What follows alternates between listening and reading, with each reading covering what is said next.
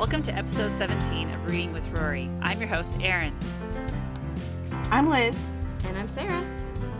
Today we are discussing Babe by Dick King Smith, originally published in England in 1983 under the title Babe the Sheep Pig. Uh, it was then uh, released in the United States in 19, 1985 under the title Babe the Gallant Pig. So, depending on which version you read, it was either Babe the Sheep Pig or Babe the Gallant Pig. I read Babe the Gallant Pig. Yeah, so did I. I, like mean, Gallant when I was Pig a small better. child, I don't. I, the one I read this time was the Gallant Pig, so we're good. Sorry.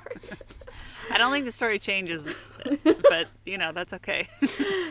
um, so this book was referenced by our count uh, three times in Gilmore Girls. Once in season three, episode ten. Once in season four, episode ten, and finally in season six, episode seventeen. Uh, one other important item to note is that this is the first B book on our list. So we have now officially finished the A's and are heading into the B's. So this is kind of a big moment for us. Huge. Do do do do do do do. We're marching That's, along that's, in the that's alphabet. apparently the music of progress right there. It's what made I felt just compelled to do it, so I did. Let's cut it out. I liked it. Um, okay, so before we get started, in uh, what we are now calling our Friday night dinner segment, let's discuss what we're eating. Liz, how about you? so I was gonna say a ham sandwich, but I'm not. That's rude. I'm having hot chocolate. Yeah, that you can't do that. I'm really not eating a ham sandwich, but I thought it'd be funny, so I said it anyway. But really, I'm having hot chocolate and whipped cream and it's, it's salted caramel hot chocolate, and mm, Oh, that sounds delightful. yeah, it's great. Sounds so Cozy. tasty. Yeah. Sarah, what about you? I'm having some oatmeal, steel cut oats to be precise. And lest you think I tried too hard, they were instant. You know, it was two minutes in the microwave. But I did throw in some blueberries and some raspberries. So, go me. Nicely done. Thank you. Um, I am eating a donut from one of my very favorite donut shops, the Holy Donut in Portland, Maine, and loving every bit of it. When were you there? Um, yesterday, What? Oh, that's Yeah. exciting. I didn't even know. I just you know took a little jaunt up to Portland. It's always a good idea. Yeah, and again, Portland, Maine, not Oregon. that's not a little jaunt. it's it's the original Portland, as they would as they say out here. Yes. Um, although It's a apparently, city. apparently Portland, Oregon was named after Portland, Maine. That's at least the story I've heard. So, Interesting. From people in Portland, Maine. um, well, it doesn't matter where I've heard it. also, fun fact: we will get to this later, but Portland, Maine, is Stephen King's hometown. That is that is that is a fun fact. Yep. Okay, well, now that that has nothing to do with Babe, let's move on. But everything to do with Portland, so But everything to do with Portland. Friday night dinner Yay. is over. Portland Tri-Road Bureau, you can thank me later. Um, all right, so here is a quick synopsis of Babe from Goodreads. Now, they pretty much took this from the back of the book and, like, cut it down a little bit, but I still, still thought it was concise and good.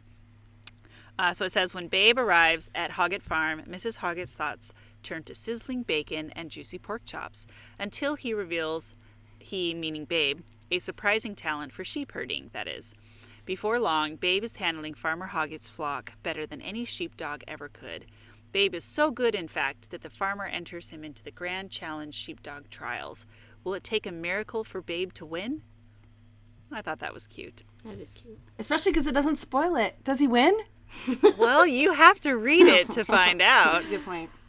Um, all right, so before we talk about how other people reviewed it, let's discuss what we thought of it. Liz, where would you rate this book? Okay, so I would give this book a four. I've given a lot of fours. I get it. That's a standard for me, actually. But this is why I like it. I liked it. And I'm surprised because animal books are not my thing at all. So I usually do not like talking animal books, and I have low tolerance for that. But I just was so like I again read this in one sitting. I sat down, I just read it and like I was so happy the whole time I read it. So I'm basing it based on my experience uh alone. I just enjoyed reading it. I thought it was charming. I thought it was um a fun book to show all these different um I think themes from the animals that just come out and I thought that was fun to see. And I hadn't read it or really done much with it since you know third grade.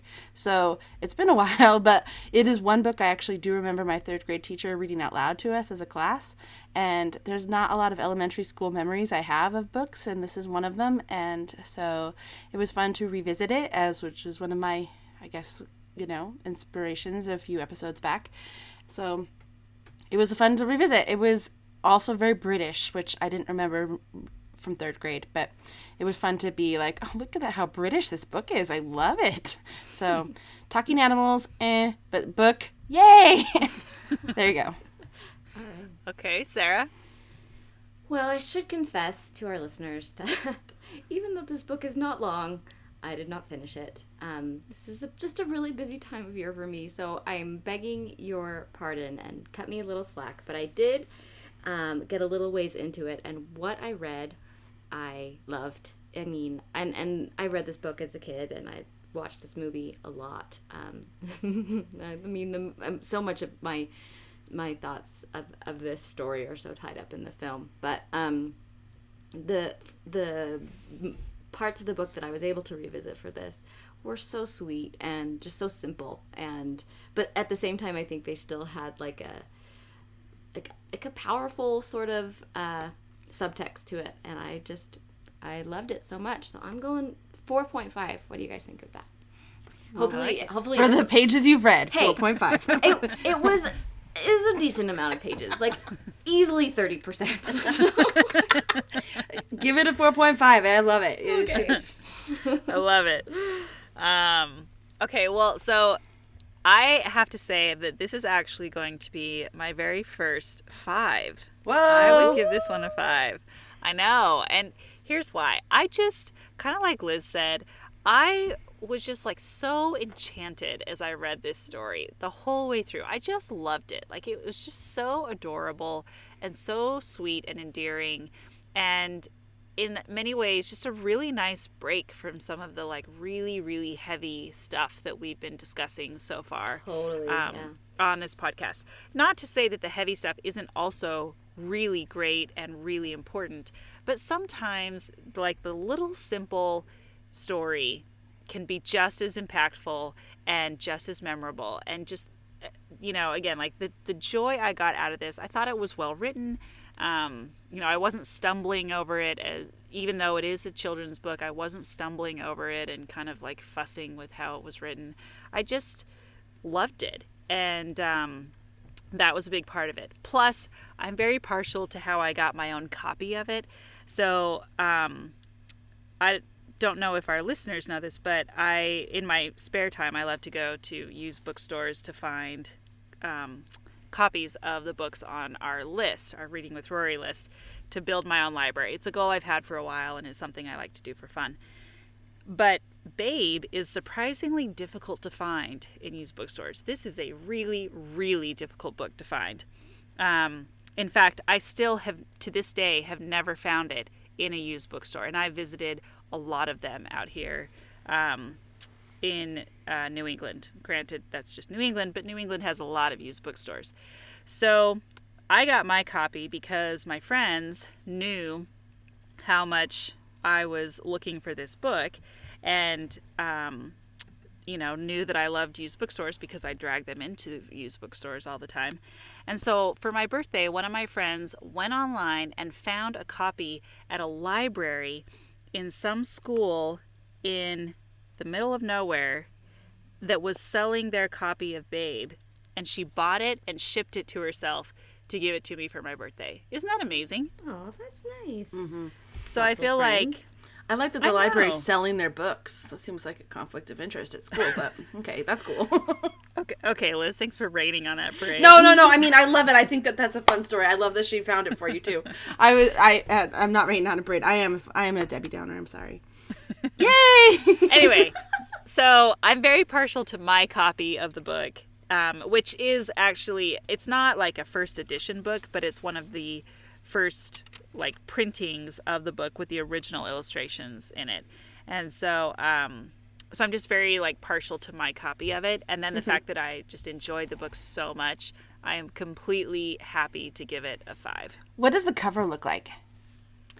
Like Um, what kind of version? I because I'm trying to remember what my version looked like when I was little, and I want to know if It that's was yellow.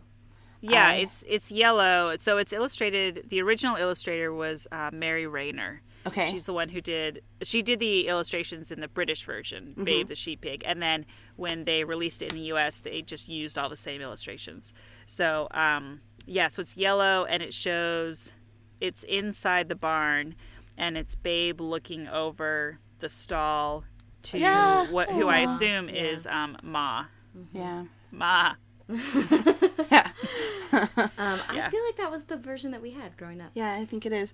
I want to say it's probably hopefully home on our bookshelf in my parents' bed in my parents' like bookshelves of children's books, still waiting for us to look at. But I didn't go look for it, so um, let's hope it's there.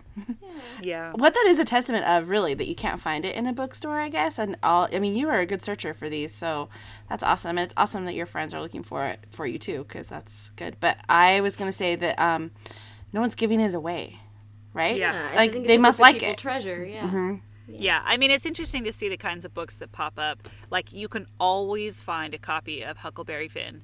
Um, you can almost always find something by Hemingway or by uh, Faulkner. yeah, Um, they're school books that they have yeah, to buy they're and school are, like, books. out. Yeah, and people hate them. Uh-huh. But other books are very, very, very difficult to find. In fact, as of the time of this recording, the one that I have yet to find is Bambi by Felix Salten. Cannot find that book. The closest I came was finding the sequel called Bambi's Children, also by Felix Salten, but not the one that we need for the list. Oh, so no. And that's coming up. So I know. I know. Although, Erin's birthday isn't can last all year long. Send her right. Although, are we the, like? Part of me thinks. Never mind. I was just gonna say Watch the for movie? sure. Yeah. Well, for sure, the reference of Gilmore Girls is to the movie, right? Who thinks of Bambi and thinks of the book? Anyways, that's all. But we're gonna read it because that's what we do on this podcast, and I'm excited. Oh no! Thank talking you for the second buzzkill of the I tried. I tried to bring it up there at the end. um, All but, right. Um, I'm. Yeah. No, I'm. No, all- I didn't mean to kill it. I really do think that's a good story. I'm sorry. like, there's just like a weird part of me that's always, always like the school librarian selling books. What? that's not the important part of the story. No. Um, and I'm very much looking forward to reading Bambi. I promise. Anyway, if anyone has seen Bambi by Felix Salten, shoot us an email and I will buy it from you, but not for more money than I would find it in a used bookstore. Okay. That's fair. Um, don't try to extort me out of it. All right. They know how much you want it now, so. I know, right? Um, okay, so back to Babe. Um, I wanted to read this review by a girl named Steph Sue on Goodreads. So I like this review because I thought it did a really good job of summarizing how I felt as I read it. So here's what she said I don't think I've ever read this book before, but I did today for class. At the beginning, I thought I wasn't going to like it all that much. After all, there already is a great book featuring a pig as the main character, and that's Charlotte's Web. But ah, as I kept on reading, I liked Babe more and more, and also the minor characters, Mr. Hoggett and Fly especially, until by the end I was wishing I had a babe of my own to cuddle with as he sheep pigs his way to victory. I thought that was cute. yeah, I like it. Um, all right, so I do like the comparison to Charlotte's Web because I was thinking about that. Right, like just um, the similarities are interesting. That's all. Yeah, and when we get to Char- uh, to Charlotte's Web, like no doubt this will feature. Um, you know, we'll have that conversation, and when we get down to some of the pop culture stuff, um, they show up a lot in the same context. Both books. Um, okay, so again, this is so this is notably, in addition to being the first B book, it's also the first children's book on our list, um, which should lead to an interesting conversation, maybe a little bit different than the ones we've had in the past, um, especially following in the footsteps of our conversation on The Awakening. and right before we get into Backlash. So, you know, this one is situated right in the middle Sandwich there. right in. It's probably a necessary respite because I think so. yeah. It is why it's so fun to read. You know, like you were saying. It's just Yeah.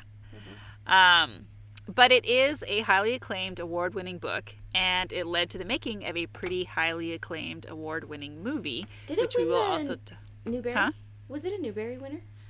um, I don't think it. No, think it it wasn't a was. Newbery winner, It would be, but it it's did. British, so no. Oh, It won. Yeah, it won the Guardian's the Guardian Children's Fiction Award in 1985. So this is um, a book. oh, I'm sorry, and it's a lifetime achievement award given out by the Guardian um, for one fiction work for children or young adults every year. But the interesting thing about this award is that when you when they give it out, once you win, you can't win again. So it's like a lifetime award, but it's only given out for, like based on what you've written that year. Hmm. Anyway, but it won that it won that award, um, and apparently that's a relatively meaningful award. So in Great Britain, A lifetime achievement. I mean, he, wrote other animal books. They just He like did. this one. Yeah. He did, but this is the one that got him the award. Okay. Um, okay, so let's start off our conversation. Um, well, so I think this again, like this is an interesting book for sort of the way that we conduct our episodes. So, but I think it's interesting to talk about, um, you know, why does this book matter, and or how do we read this book today? What do you guys think? Well, I mean, obviously, I think it mattered when I was in third grade too for reading that, like, which was pretty close to 1984. But anyway, so when it came out, I mean, there's important lessons to learn, I think, when you're a kid. But when I was reading it this time, and I just kept thinking about, like, these are such good. Like, like he's so civil. Like, look what he can do by being so civil and so manner, well mannered, and like it's just this lesson of civility that um, I think maybe it's just that I am older now, but I think we need it more now than in 1984, maybe. So I I think that like that's a change maybe a little bit. And just that whole idea of too of like um not like people you can do things that people don't expect you to do right? Like you can strike out on your own and do unexpected things. I think that is still still a relevant can, theme Yeah, you can you can defy people's expectations, and um, and I think that all these themes are super timeless, right? Like I think this book has had the staying power that it's had is because it is so timeless and it just kind of feels lost in time. I feel like you could it could happen now, it could have happened in the 80s, it could have happened in the 40s. Like I just um and I I don't know. So like there's a sense of of that to me just like it just kind of feels like it's like this yeah, I almost like a fable. I don't know. Yeah, I mean, I think, it, yeah, it was again like when I read through it, it wasn't like, um, like some sometimes I read through children's books and I'm kind of like, eh, bored, bored, bored. But this one, I, I kept thinking, like, wow, there are a lot of like really meaningful themes mm-hmm. woven into this story. You know, like you were saying, Liz, you've got this whole idea of, you know, respect and and just like being well mannered and civil, but even that, like you have this idea of intelligence, right? And how all of the animals think that the other animals are stupid. You know, the mm-hmm. the dogs think that the sheep are terribly stupid. They think that the pigs are stupid. And then the sheep think that the dogs are stupid. And like everyone thinks that everybody else is stupid because they're different than each other and because they don't communicate. And the one who breaks down all those walls is Babe, who just walks in in this like totally blank slate or yeah, with this like blank slate um, attitude, and he's like, "You're a dog, cool, hi, and you're a sheep, awesome, nice to meet you." and, and they're like why are you talking to the sheep and he's like i want to "Yeah," it's like, "Cause I like them, you know, they're my friend, ma." Um, Oh. I feel like there's going to be a lot of that on this podcast. I'm sorry.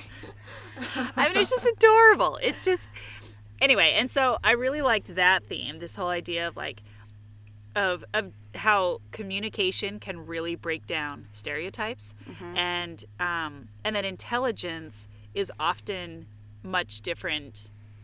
Well, not much different, but a lot of times we like narrow the focus of what intelligence can and should be. And we see intelligence only through the lens of our own experience.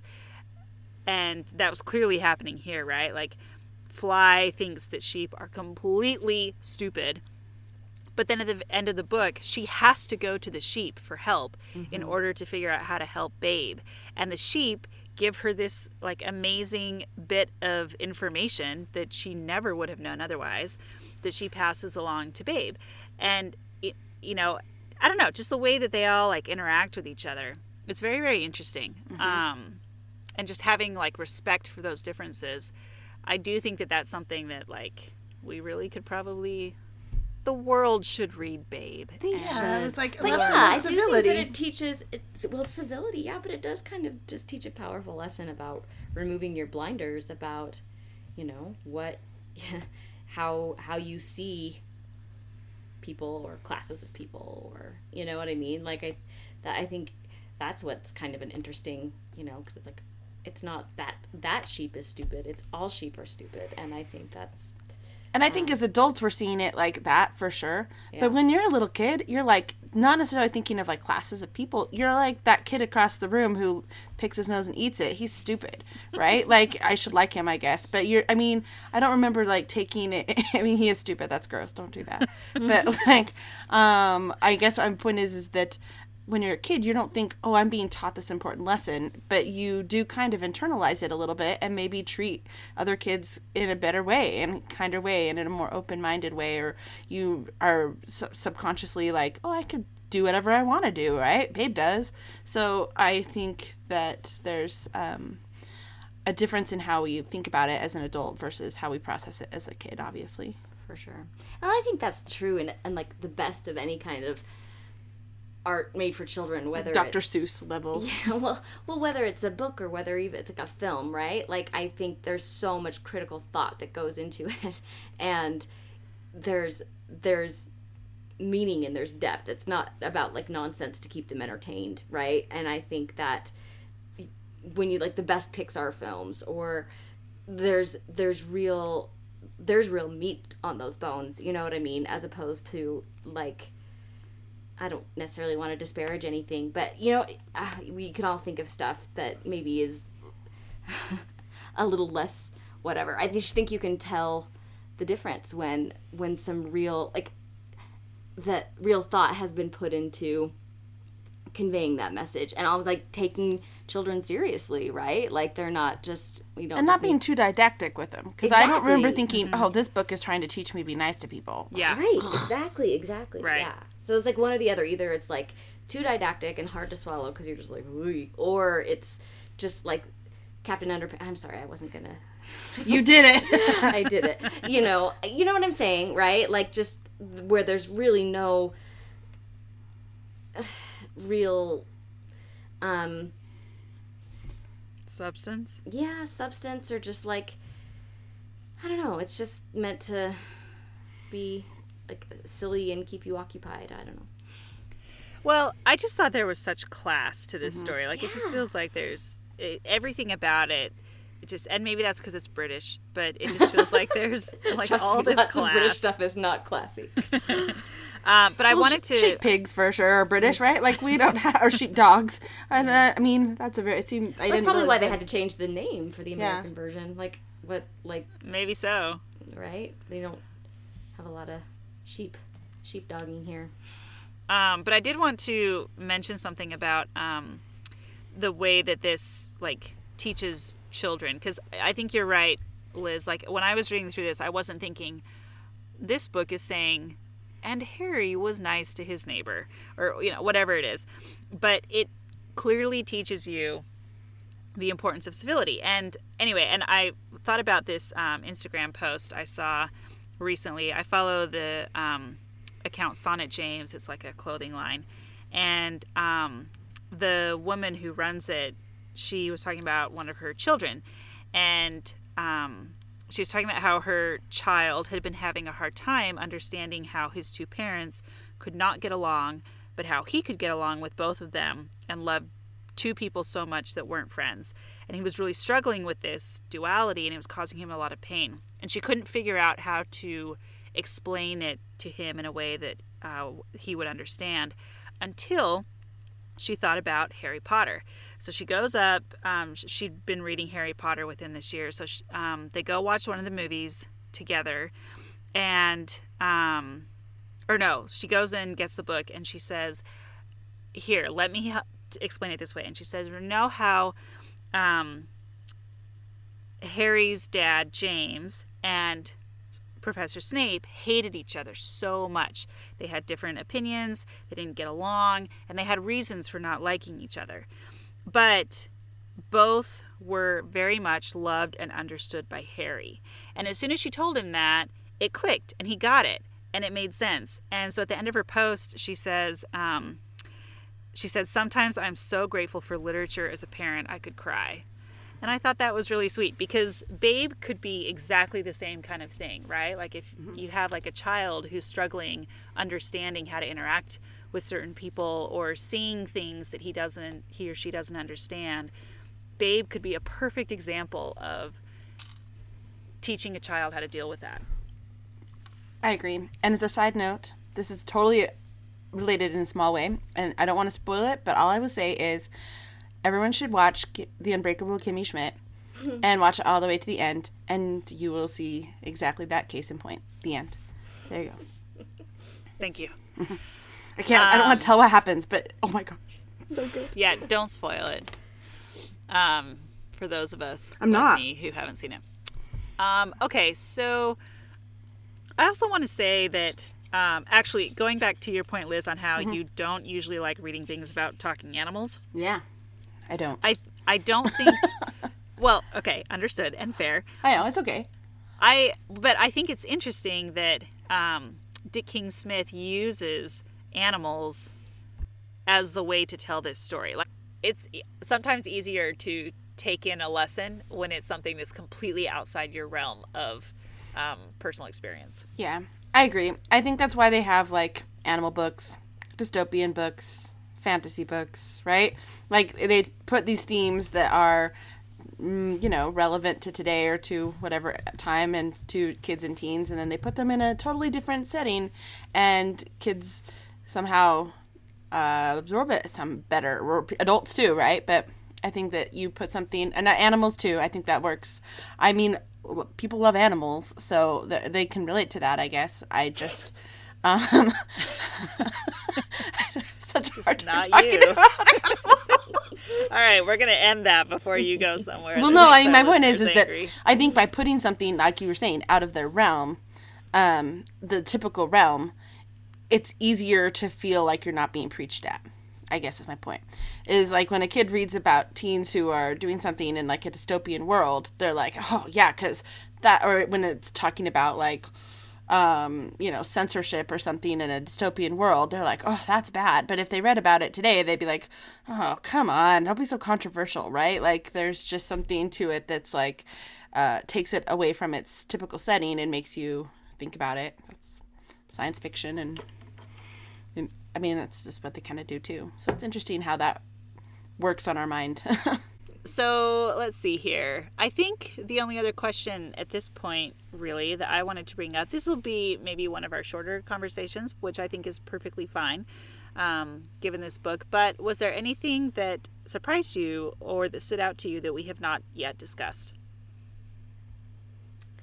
Um, you know, I think in the context, like you said, of all these heavy things we've been reading, um, it's been a while since I've read a children's book, and just and and to the point I was making before, there's not all children's books are created equal, but one like this that is so just sweet and simple and it just kind of packs a punch a little bit, right? Like it just makes its point, but not in an obnoxious way and not in an overly whatever. It I don't know. I just think the simplicity of it was just a breath of fresh air. And we talked about that a little bit, but thought I would reiterate it because it really was nice.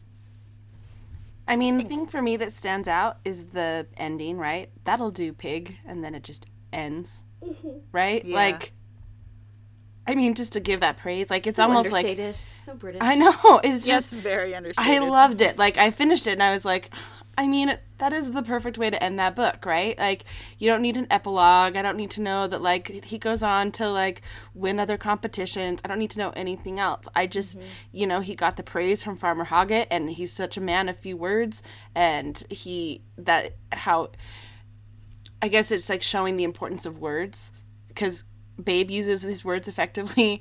Farmer Hoggett, when he gives his praise, he gives it, and it just like packs the punch at the end. And I, that just stood out to me. That's all. Yeah. I also thought it was interesting that in the book, they don't actually say, that'll do, pig. They just say, that'll do. That'll do. Oh yeah. That's it. It's the movie that adds the pig. Um, but that's the line that everybody remembers. Um, okay, well, speaking of the movie, um, this is where we usually jump into pop culture. And really, this entire conversation, of this part at least, is going to center on the movie. There was um, an adaptation of the book as a play by children's playwright David Wood, where he used actors and life size puppets for the animals. Um, in my head, I'm imagining a pre Lion King type thing. Cool. That'd Um, be cool. I know, right? And um, again, as we mentioned, there Babe shows up on lots of lists with other um, famous pigs like Miss Piggy and Porky the Pig and uh, Piglet, Wilbur from Charlotte's Web, etc. In fact, there um, uh, there's one. Are there a lot of lists of famous pigs? There's a surprising number of lists. Okay, Okay. of just checking. famous pigs. I mean, when I was googling things like you know, babe, pig, pop culture, it like there were a surprising number of lists of Okay, pigs. Um, I love it. Yeah. So on this one website called ModernFarmer.com, isn't that so great? Um, it has a list called seven prominent pop culture pigs, and it includes Miss Piggy, Porky Pig, Maxwell from the Geico commercials, Piglet, The Babe. guy love who commercials has a pig has a name. I, ne- I never knew that pig had. a Yeah, name. remember how she's like Maxwell. Get in the car. Well, clearly I did. I love that commercial. anyway, go on. Oh, yeah, continue. famous Um, pigs. Yeah, so Piglet, Babe, Arnold Ziffel, um, who was the gifted son, in quotes, of Fred and Doris Ziffel on Green Acres. He didn't apparently talk, but he could change the channel and play the piano. And then there's um, Nope, nope. He has hooves. and then there's a man bear pig, and um, eh, who's apparently like a South Park character. But um, but in the they have kind of funny descriptions of the uh, of the animals. For the one for Babe says. Um, He's best known for his uncanny ability to herd Farmer Hoggett's temperamental sheep better than any sheepdog. He's one heck of a watch pig, too. And then famous phrase, that'll do, pig, that'll do, says Farmer Hoggett in one of cinema's most emotional animal encounters. Which I Are there, thought are there was, a list of emotional animals in cinema? And that how many missing? of them involve horses? Oh, right, seriously. Um anyway, so let's talk about the movie. All right. This is the part where we cut in the the mice singing the song, right? Okay. All right. And a one, and a two, and a three. Hit it!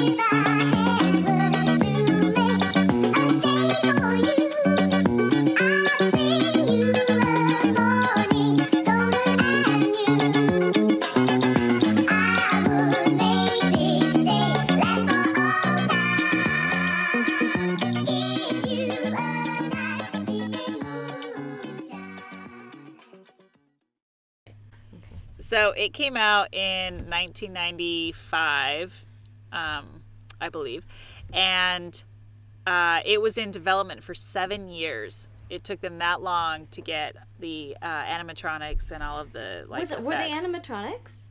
Yeah. All of them, or just Babe? Uh, no, all of them. We've They come used- a long way.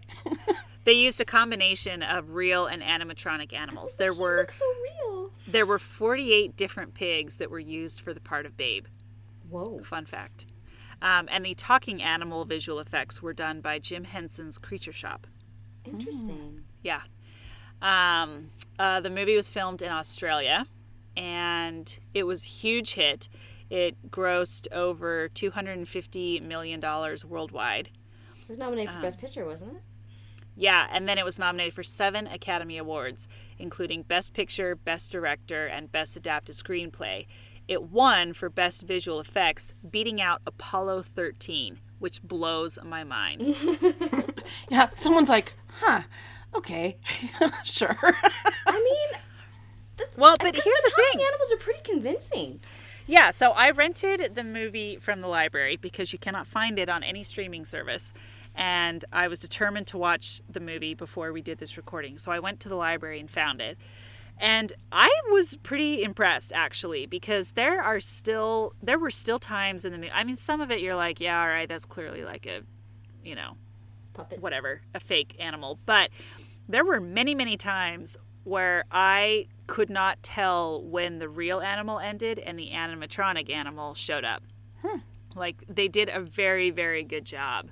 Um, and in fact, in some of the articles I was reading, they talk about that, about how the visuals have actually held up really, really well over time, especially when you compare against things like Star Wars, where you have the um, like animatronic Yoda in the original ones, and then versus the CGI Yoda in the ones from, um, you know, the last few years, and how big of a difference uh, the that makes. Hmm. Interesting. I Well, hadn't even thought of it. I was just thinking about like the Lion King trailer, right? And how real those animals looked. And then I watched the Babe trailer and I was like, huh, we've come a long way.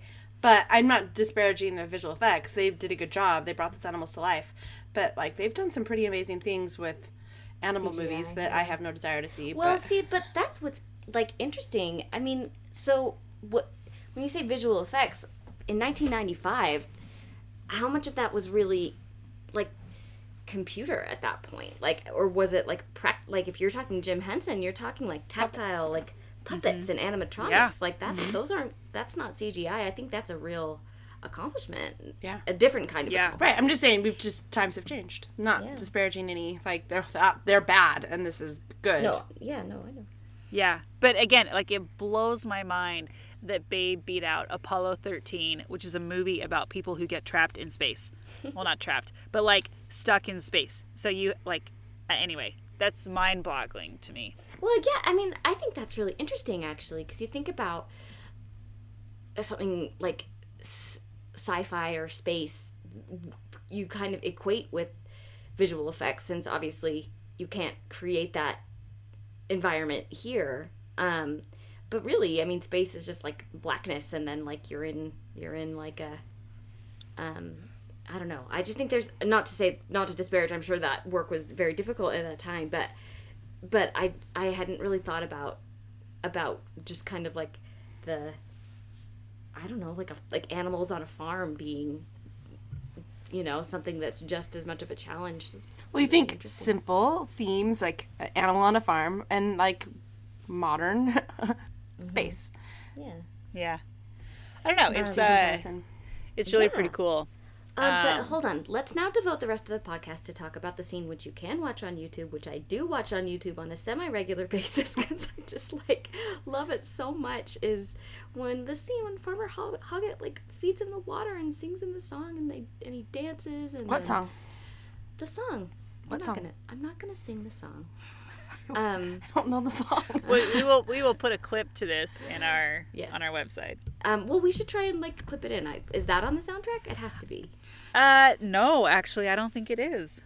Um, well, we'll try and find some creative way of, of squeezing it in there because it's so beautiful and so sweet. For sure, we'll put it on the website, and everyone needs to go and watch it. I mean, it just has you feeling all the feelings, and it's. Um, did uh, what's his face who played Farmer Hoggett? He was nominated for an Academy Award, wasn't he? James Cromwell. James Cromwell. That's right. Um, Uh, I don't know. I didn't. I mean, he might have been. I did not actually look at that for. Um, Oh, look, hold on. You I keep think talking. he was. I Okay. think he was, and just him in that scene is so beautiful and, um, and just again so simple, but I just oh it just gets me. It's so so good. Um, yeah, it was. It was really good, and it's interesting because a lot of people, um, including you, Liz, have talked about how this is one of the best um, movie adaptations ever, and I think in a lot of ways it is very true to the story, but I. They do add a lot of extra elements to it, and maybe Yeah. that's just because like you wouldn't have much of a movie if you kept it Right. exactly. They just don't change the plot much, right? Like it's very Yeah. true to the plot. I think is all I was really saying. Like that. It's very that- true to the plot. Yeah, I think the idea that like a good adaptation has to be equal a faithful adaptation is like faithful to the struct like all the beats that happen is kind of limiting, right? They're different mediums, you can do different things with it. So I think that um, a good adaptation can kind of take the the story and make it into something that it you know what I'm saying? like that charm and that joy we felt reading the book, you feel watching the movie. Exactly, and that, can be accomplished through ways that are different from the book, right? Yeah. Yeah, I mean, yeah, you know, they add extra characters in. Um, you know, the Rex the dog um, is an addition. Ferdinand the duck is an addition. Basically, the horses and the cows are and the mice are all additions. yeah, they gotta add more animals in because why not?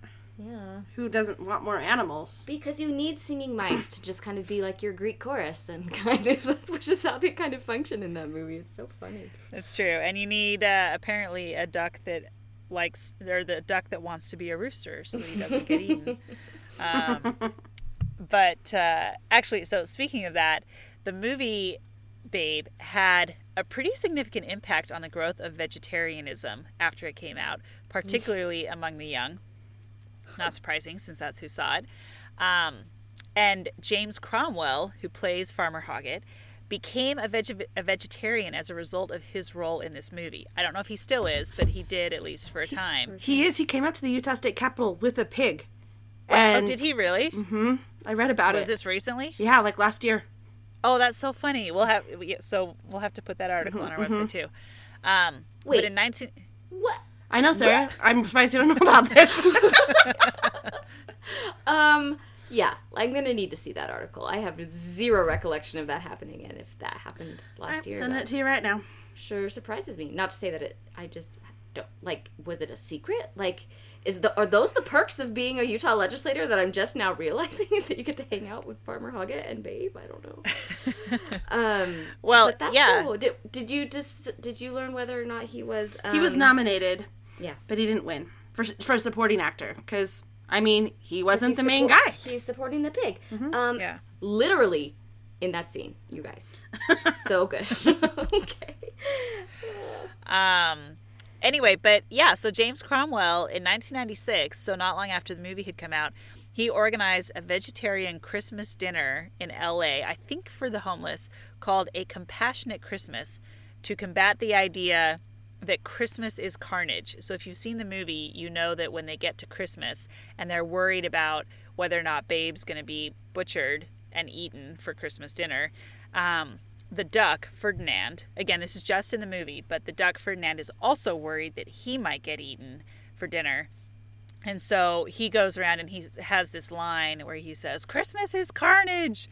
Anyway, so James Cromwell came up with this dinner, a vegetarian Christmas dinner, and called it a compassionate Christmas. I thought that was interesting. Um, Um, oh my gosh, Liz put her money where her mouth is. She just sent to the Reading with Rory group text from the Salt Lake Tribune on November 20th, 2018. That was months ago. Where was I? You guys, I was there. And I didn't go I don't know that you would have want to see this, Sarah. Keep I know reading. it sounds awful. Actually, demonstrators carried the stiff carcasses of several Oh, dead piglets man. into the Utah Capitol on Tuesday, saying the deceased animals are clear signs that some farms in Utah engage in animal cruelty as part of their everyday business practices, and that needs to change. Oh, this is so sad. Oh. Oh, and so yeah, he brought a dead pig. That's not the same. Never mind. Um, among the estimated 100 people at the rally was Babe star James Cromwell, who became a vegan after appearing in the 1995 film. About half of those who participated were from Utah, according to the group spokesman. Anyways, wow, that's dark, Yeah. Farmer Hoggett. Um, but yeah, I mean, But, uh, he's way to taken his cause and yeah, I stuck like with it. Because like, Well, so that's one of the reasons that he gave for giving up eating meat. He said, cruel. if I'm going to play a role like this, I have to be able to, if I'm going to promote this movie and promote this whole idea, then I need to, I need to live it. And so that's a lot of what inspired him to to go clearly, that that's route. impressive. Yeah, I know, and I Christmas mean that is was one carnage. That's very merry too. I know. Well, but that was one of the things that that was one of the reasons that people, you know, kind of changed courses and went to the vegetarian side is that they started looking at animals as these intelligent, compassionate creatures and how on earth I mean, really, like how on earth could you eat babe and feel good about yourself? Like you couldn't. And so um, it makes sense. But the last fun fact in this story is that this rise in vegetarianism in the United States after the release of Babe led to the Irish Minister of State in the Department of Agriculture, Food, and Rural Development. His name was Ned O'Keeffe. He issued a press release stating that the drop in pork products in the United States was concerning to the pork industry in Ireland, and he called for the Irish people to boycott the movie. So his exact words were I believe that there is a case to be made whereby Irish people should boycott this ridiculous and harmful film and enjoy their ham at Christmas.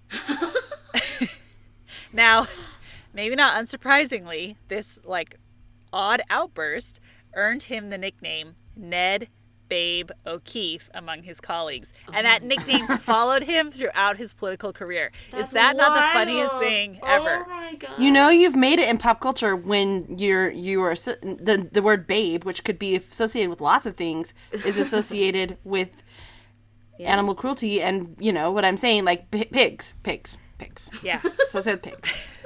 Yeah. So anyway, I just thought that was so funny that the Irish minister That is funny. up- Which hold on. yeah. This sparked an idea in me going back to our um, I wanted to change my answer on what surprised me. It surprised me the widespread impact this story has had given how recently it was published. Like I think I always thought of it as like it was published in like the 20s or something like that, right? Because it does have Oh, this yeah. timelessness to it.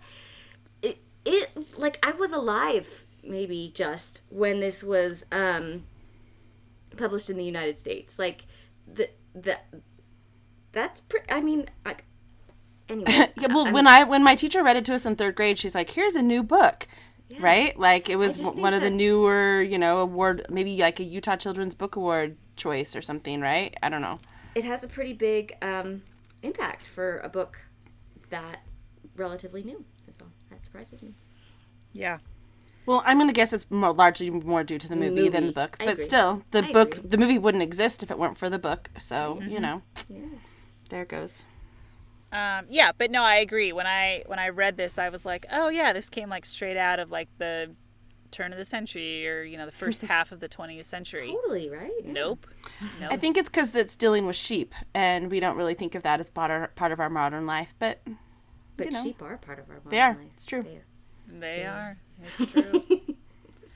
um, alrighty. So that is pretty much it on our discussion on pop culture. So as we get ready to wrap up here, our final question is: uh, Now that we have finished the book, what are we inspired to do? Sarah, how about you? I'm inspired to go watch that clip on YouTube again. again today, It's so good. it's so good. Oh, it's so sweet. I'm thousand percent serious. I will log off of this recording and watch that as I go to sleep. All right, Liz. so I guess what this inspired me to do is this isn't this is another serious one, I guess, for me. But like as a teacher, I have to motivate kids to do stuff a lot like a sheep, and a sheepdog, right? Like get kids to follow me to do stuff, right? and so, anyways, Sorry. but my point Yes, is, is the a lot like a sheepdog, which I'm now gonna. it feels like that sometimes. I don't think they're stupid, so I'm just saying that. But like, um, what I was really like motivated to think about is how you motivate people, right? Like with fear or with kindness. And like the sheep did not like it when they were to, had to fear the dogs, right? Like we're supposed to do this because we fear them, and so like they responded much better out of kindness. Now I'm not saying I'm a mean teacher that like yells at people and does it out of fear. I just think it just was a good reminder that this is the best way to motivate someone sometimes, especially, you know, young minds that I mold and teach, I guess. But um, that kindness goes a long way, right? And communication and being clear and those positive reinforcement terms that he would use, like "good job, you're really sticking to those lines," right? Like that kids respond to that really, really well, and that's a good reminder to me. So, some good professional development from Babe. Thanks. Nice. Um, I think mine's kind of similar. I, um, with my job, one of the things I've been thinking a lot about lately is that, you know, law is not always a kind industry. Um, in fact, it's usually not a kind industry. It's known for being antagonistic and, um, and and difficult. And one of the things I've noticed over the last several months is that the people that I tend to work with the best are the ones who are kind. Like it really just kind of boils down to that. The people who are kind to their colleagues, kind to their clients, and kind to even like opposing counsel, and um, who aren't disparaging and don't sit there and call the other side stupid and uh, you know things like that. And luckily you know most of the people that I, I work with are absolutely fall into that category. But um, it just really has sort of impressed upon me the importance of being kind and of giving people a second chance and of giving and of just being patient with people to give them the opportunity to learn and to shine because generally speaking people want to do a good job with whatever it is they're doing right like and especially at a place like where I work, no one walks into those doors without knowing how to work hard and without wanting to do a good job. You just don't go into a big law firm otherwise. And so, like, why not be kind and give people the chance to learn and to grow? Like, there's already a lot of pressure in the job, so why not just be kind? And um, and so it really has kind of struck me that the people who I respond to the best are the ones who are kind, and it's just really encouraged me to just go back to that very very simple kindergarten element to just be kind. I think we learned what we were supposed to from this book, Erin, as adults, and we applied it to our lives.